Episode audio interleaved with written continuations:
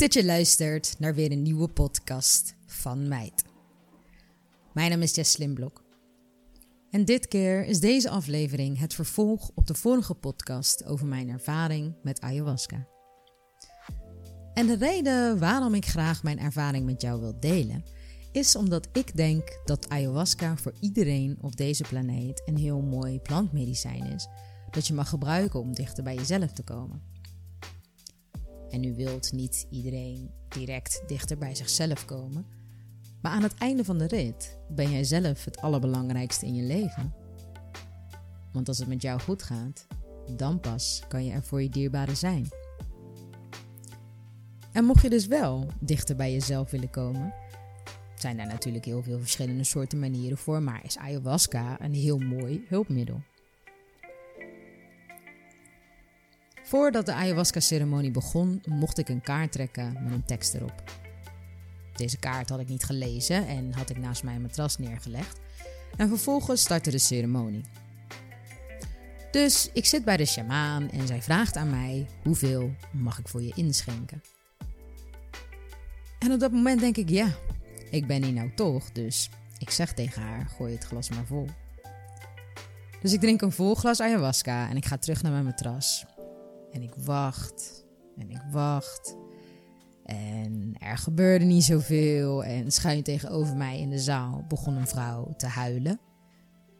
En niet lang daarna begon iemand anders in de zaal over te geven. En ik had niet echt een besef van tijd, dus ik weet niet hoe lang het precies duurde, maar ik doe mijn ogen dicht, ik doe ze weer open en ik doe ze weer dicht. En opeens, toen ik mijn ogen weer opendeed, werd mijn beeld een soort van cartoonachtig. Alsof er een filter over mijn zicht was. Allemaal soort van stippeltjes. En ik dacht, oké, er gebeurt iets. En ik doe mijn ogen weer dicht. En ik hoor zo. En ik word in een gat gezogen. En ik beland in een bos. En ik begin te lopen. En het was echt niet normaal hoe mooi het was wat ik allemaal zag. Er waren hele grote vlinders die steeds voorbij kwamen met bizar mooie vleugels. Hele grote paddenstoelen met intense kleuren die bewogen. Allerlei bijzondere wezentjes en vogeltjes en alles. En iedereen die ik zag, die lachte naar mij. En iedereen was heel gezellig. Het was één groot feest. Ik zag zoveel. De indrukken waren... Ja, het was een hele heftige indruk wat er dan op je afkomt. Omdat je zoveel ziet tegelijkertijd. Maar goed, ja, het was allemaal mooi en, en positief. En uh, ik was heel vrolijk door dat bos aan het lopen. En uh, het pad waar ik op liep was van goud. En het was allemaal zo mooi. Ik, ik denk echt dat ik nog nooit in mijn leven zulke mooie kleuren en mooie dingen heb gezien. En echt levensgroot, hè. Het was echt prachtig. En mijn thema tijdens de reis ging over alle mensen die dicht bij mij staan. Dus die kwamen allemaal voorbij en ook die mensen waren allemaal heel vrolijk en heel blij naar mij aan het zwaaien. En de ayahuasca-ceremonie duurt ongeveer 12 uur. En op het moment dat je ayahuasca hebt gedronken en het begint te werken, begint dus jouw hogere zelf meer de ruimte te krijgen. Want ja, er vallen een aantal dimensies weg, waardoor je in je eigen hoofd de realiteit kan zien als hoe die voor jou is. Maar ook wat moeder ayahuasca, dus de plant zelf, aan jou wilt laten zien. En ze laat aan jou zien wat op dat punt in jouw leven relevant is voor jou om te zien. En mijn thema tijdens de reis ging over alle mensen die dichtbij mij staan. Dus die kwamen ook allemaal voorbij en ook die mensen waren allemaal heel vrolijk en heel blij naar mij aan het zwaaien. En de ayahuasca-ceremonie duurt ongeveer 12 uur. En op het moment dat je de ayahuasca hebt gedronken en het begint te werken, begint dus jouw hogere zelf meer de ruimte te krijgen. Want ja, er vallen een aantal dimensies weg, waardoor je in je eigen hoofd de realiteit kan zien als hoe die voor jou is. Maar ook wat moeder ayahuasca, dus de plant zelf, aan jou wilt laten zien. En ze laat aan jou zien wat op dat punt in jouw leven relevant is voor jou om te zien. Maar ik had natuurlijk in mijn hoofd dat ik ja, echt mezelf zou tegenkomen. Of dat ik mezelf zou zien. Of dat ik met mezelf kon praten. Of mijn hogere zelf. Maar dat was echt totaal niet aan de orde. kreeg allerlei beelden en symbolen te zien. Er was zoveel. En je lichaam is zo onder invloed van ayahuasca dat ja, je komt in een soort staat terecht die niet te vergelijken is met synthetische drugs. Het, het is eigenlijk met niets te vergelijken. Het is een compleet ander iets. En ja, er begon bij mij dus een soort film af te spelen terwijl ik mijn ogen dicht had. En het was allemaal super mooi en prachtig. Alles en iedereen was feest aan het vieren. Het leek wel gewoon op een soort van kleurrijk festival. Dat ik gewoon niet wist waar ik moest kijken. En rechts schuin van mij was mijn zusje in mijn reis. Elke keer als ik naar haar keek, zag ze er prachtig uit en was haar outfit in een ander soort thema. Dan was ze een soort van snoepje, dan was ze een prinses, dan weer een lieve heersbeestje. Eén keer was ze Maya erbij. En ze zei niet echt iets, maar ja, ze keek de hele tijd naar me. En als ik dan weer wat moois voorbij zag komen, ehm, keek ik weer naar haar. En dan lachten we samen om wat we zagen. Dat, dat was heel grappig. Dus hoe ik daar heel de tijd lig te genieten, word ik op een gegeven moment bewust van wat er allemaal in de zaal gebeurt. Er zijn mensen aan het huilen, aan het lachen, aan het schreeuwen, overgeven. Er gebeurde echt van alles. En de shamaan die liep rond. En er werd hele mooie live muziek gemaakt en er werd gezongen. En die muziek viel dan ook heel mooi samen met alles wat ik zag in mijn reis. En, en opeens krijg ik een soort van besefmomentje. En ik denk, wat is dit nou eigenlijk, joh?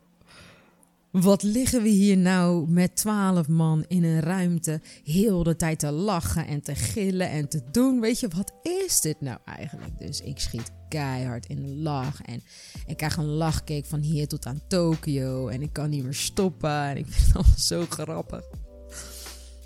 En toen kwam een van de begeleiders naar me toe en die tikte me rustig aan. Dus ik doe mijn ogen open en ik kijk haar aan en ik ga helemaal stuk. En ze zegt: We gaan nog een ronde drinken. Wil je ook?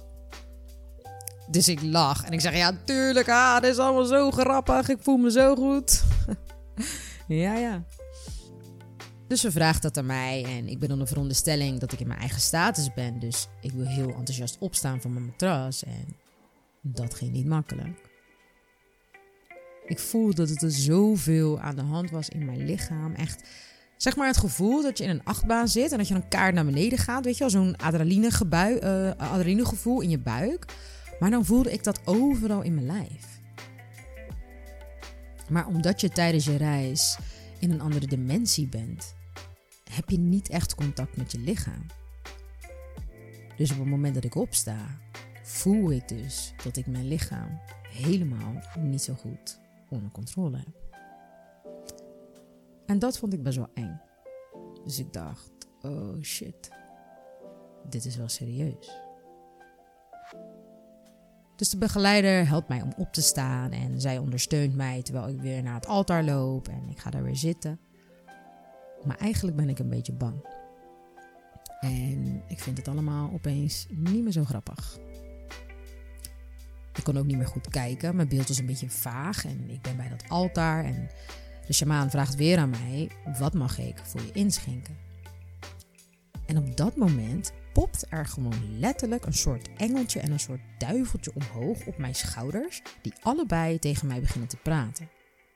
En het duiveltje zegt: Ja, en je bent toch geen mietje? Je moet toch gewoon dat glas opdrinken? Doe niet zo raar. We zijn hier nu toch? Ja, drink gewoon op. Er kan vast niks misgaan. We moeten weten wat er verder nog meer is, want we hebben niet eens met onze hogere zelf gepraat. En dit en dat. We moeten verder. We moeten verder.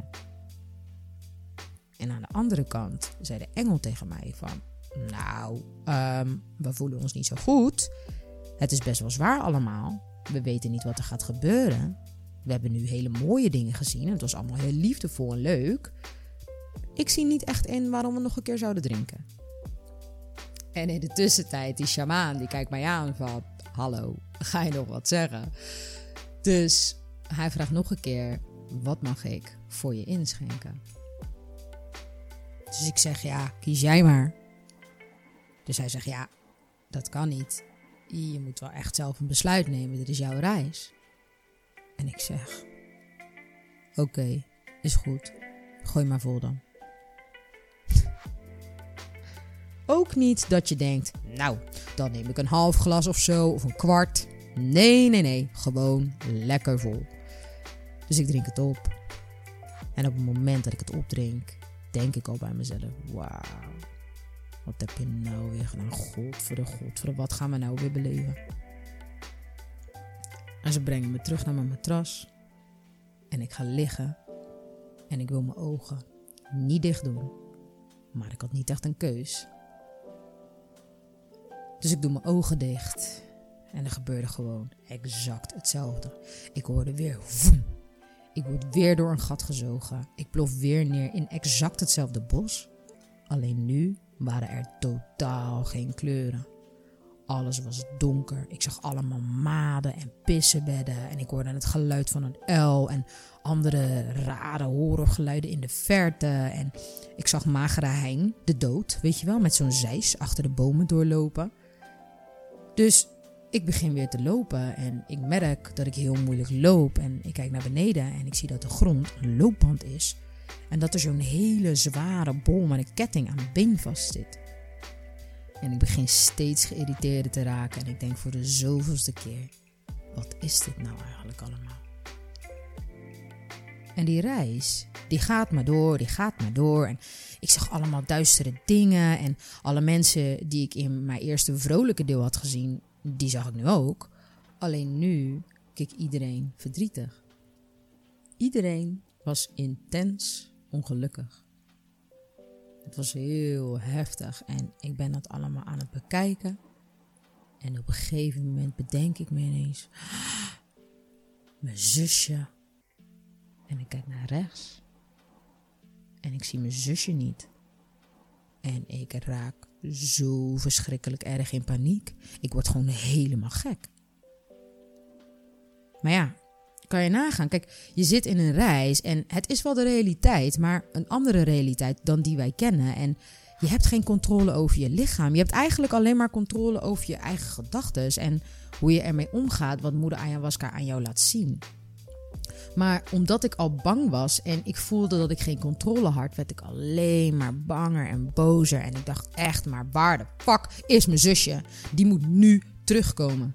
Dus ik begin te schreeuwen tegen moeder ayahuasca en ik zeg tegen haar, hé, wie de fuck denk je wel niet dat je bent? Ik wil nu mijn zusje. Waar is mijn zusje? Waarom is mijn zusje er niet? En ik begin te schelden en te schreeuwen tegen haar. Eerst laat je me al die mooie dingen zien. En nu zie ik al deze donkere shit. Waar slaat het op? Ik wil nu mijn zusje terug. Ik was echt heel tof aan het doen. Hè? En in één keer hoor ik keihard een stem. En die stem was mijn eigen stem. En die stem, die zei tegen mij: Maar waar heb je je zusje dan voor nodig? En het wordt stil. En ik zeg: Nou, dat gaat jou helemaal niks aan. Waar ik mijn zusje voor nodig heb. Ze moet hier gewoon zijn. En op dat moment voel ik dat ik moet overgeven. Dus ik kom omhoog en ik ga naar voren en ik pak de emmer die naast mijn matras staat. En ik begin over te geven, over te geven. Echt extreem huilen, huilen. Maar kijk, ik, ik ben tegen haar aan het vechten, tegen moeder ayahuasca.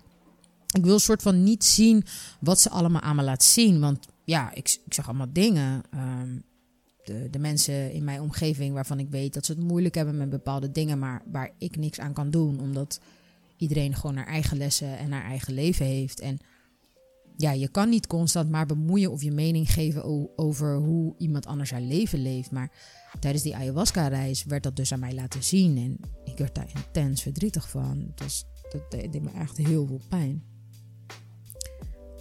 En op een gegeven moment, terwijl ik daar lig te vechten, krijg ik opeens een gevoel alsof dat ik in mijn broek heb gescheten. ja, dat was echt kut. En ik voel zo achter bij mijn billen, maar je hebt helemaal geen soort van gevoel of zo. Weet je. Ja, je kan helemaal niet goed voelen. En ik denk, ja, ik moet toch erg naar de wc. Dus ik roep een van de begeleiders daarbij. Want ik was natuurlijk nooit van mijn levensdagen in staat om in mijn eentje naar de wc te gaan. Dus de begeleiders helpen mij naar de wc en ik ga zitten. En ik zie dat ik gelukkig niet in mijn broek had gescheten. Maar ik voelde zoveel rare dingen.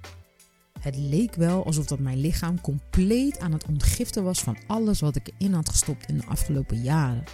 Dus je moet je denken aan alle verdovende middelen tijdens feestjes, alle emoties die ik heb vastgehouden, alle heftige dingen die ik heb meegemaakt in mijn leven, alle zware dingen die ik met me meedraag.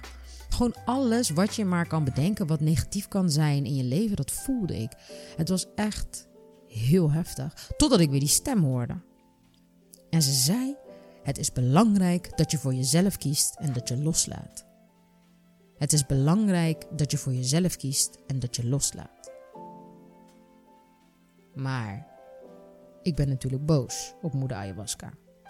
Dus ik schreeuw terug: Ik laat helemaal niks los. Je kan me toch niks maken. Kom dan, zeg ik. Kom dan. Wat wil je me laten zien dan? En op het moment dat ik dat zeg, voel ik de pijn die ik voelde op het moment dat ik mezelf niet meer kon bewegen toen ik tegen die burn-out ben aangelopen. En toen was het echt menens, want dat is een pijn waar ik heel erg bang voor ben. En ik voel dat mijn lichaam een soort van begint te groeien en te pompen. En toen kwam het door een soort van uitbarsting. En het is niet heel smakelijk dit, maar er kwam gewoon echt werkelijk waar overal waar iets uit kan komen, kwam er iets uit mijn lichaam. En ik moest zo hard huilen. En, en toen zei ik: stop, stop, stop, stop, stop. Ik geef me over. Ik laat het los. En het hele heftige gevoel werd minder en ik voelde mezelf heel erg opgelucht. Toen dat allemaal voorbij was, hebben ze me weer naar mijn matras gebracht en ben ik gaan liggen in een soort van foetushouding, waarbij ik nog heel lang heb gehuild en waarbij er zoveel dingen voorbij zijn gekomen uit mijn leven, waarbij ik mezelf zag en ja, dat ik zag dat ik altijd een soort van masker op had om stoer te blijven doen en om mezelf groot te houden tegen bepaalde dingen terwijl ik eigenlijk gekwetst was. Mijn allerdiepste frustraties en angsten zijn naar boven gekomen en die kon ik niet meer negeren. En dan zou je denken, maar waarom zou je dit dan in godsnaam doen? En het antwoord op die vraag is persoonlijk. Ik was in een heel duister stuk van mijn leven beland en wilde antwoorden hebben over hoe dat mogelijk kon zijn en dacht dat een ayahuasca-ceremonie mij daarbij zou kunnen helpen. En dat heeft het ook zeker gedaan. Want na de ayahuasca-ceremonie ben ik naar huis gegaan en had ik ongeveer een week nodig om hiervan bij te komen. En de dagen en zelfs maanden erna bleven er beelden in me opkomen die ik tot op de dag van vandaag steeds beter kan plaatsen. Wat ik vooral heb geleerd van mijn ayahuasca-reis is dat ik altijd alles op een zwarte of witte manier benader. En dat is denk ik ook de reden waarom moeder ayahuasca mij eerst zo'n mooi stuk liet zien en daarna zo verdrietig. Het is dan natuurlijk typerend dat ik twee volle glazen moest drinken en zelf de keuze maken om het duister op te zoeken, want ik voelde donders goed dat ik daarheen ging. Maar dat zijn patronen die ik gaandeweg in mijn leven heb ontwikkeld en ik daardoor altijd hoge pieken of lage dalen ervaar in mijn leven tot in het duister aan toe. En later werd mij ook duidelijk dat de loopband symbool stond voor het feit dat ik altijd maar doorliep en doorzette om dingen perfect te krijgen. Maar ik weet nu dat soms iets goed genoeg is zoals het is. En dat ik niet altijd door hoef te gaan tot het gaatje. En ik weet ook dat je soms ergens gewoon geen controle over hebt. En dat dat ook oké is. Moeder ayahuasca liet mij al het mooie licht in mij zien en ook mijn duistere diepe kanten.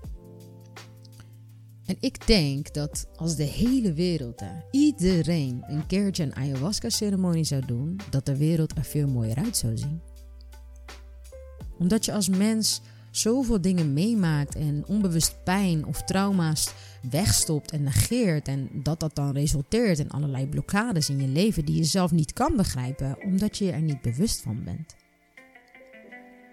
En moeder ayahuasca laat jou zien wat jij op dat moment nodig hebt voor waar je bent in je leven. En iedereen haar ervaring is anders. Iedereen heeft diepe wonden waar die niet bij kan. Iedereen is uniek. En jij ook. We zijn allemaal prachtige vrouwen met prachtige krachten en unieke gaves die er allemaal zijn om de wereld een klein beetje beter te maken.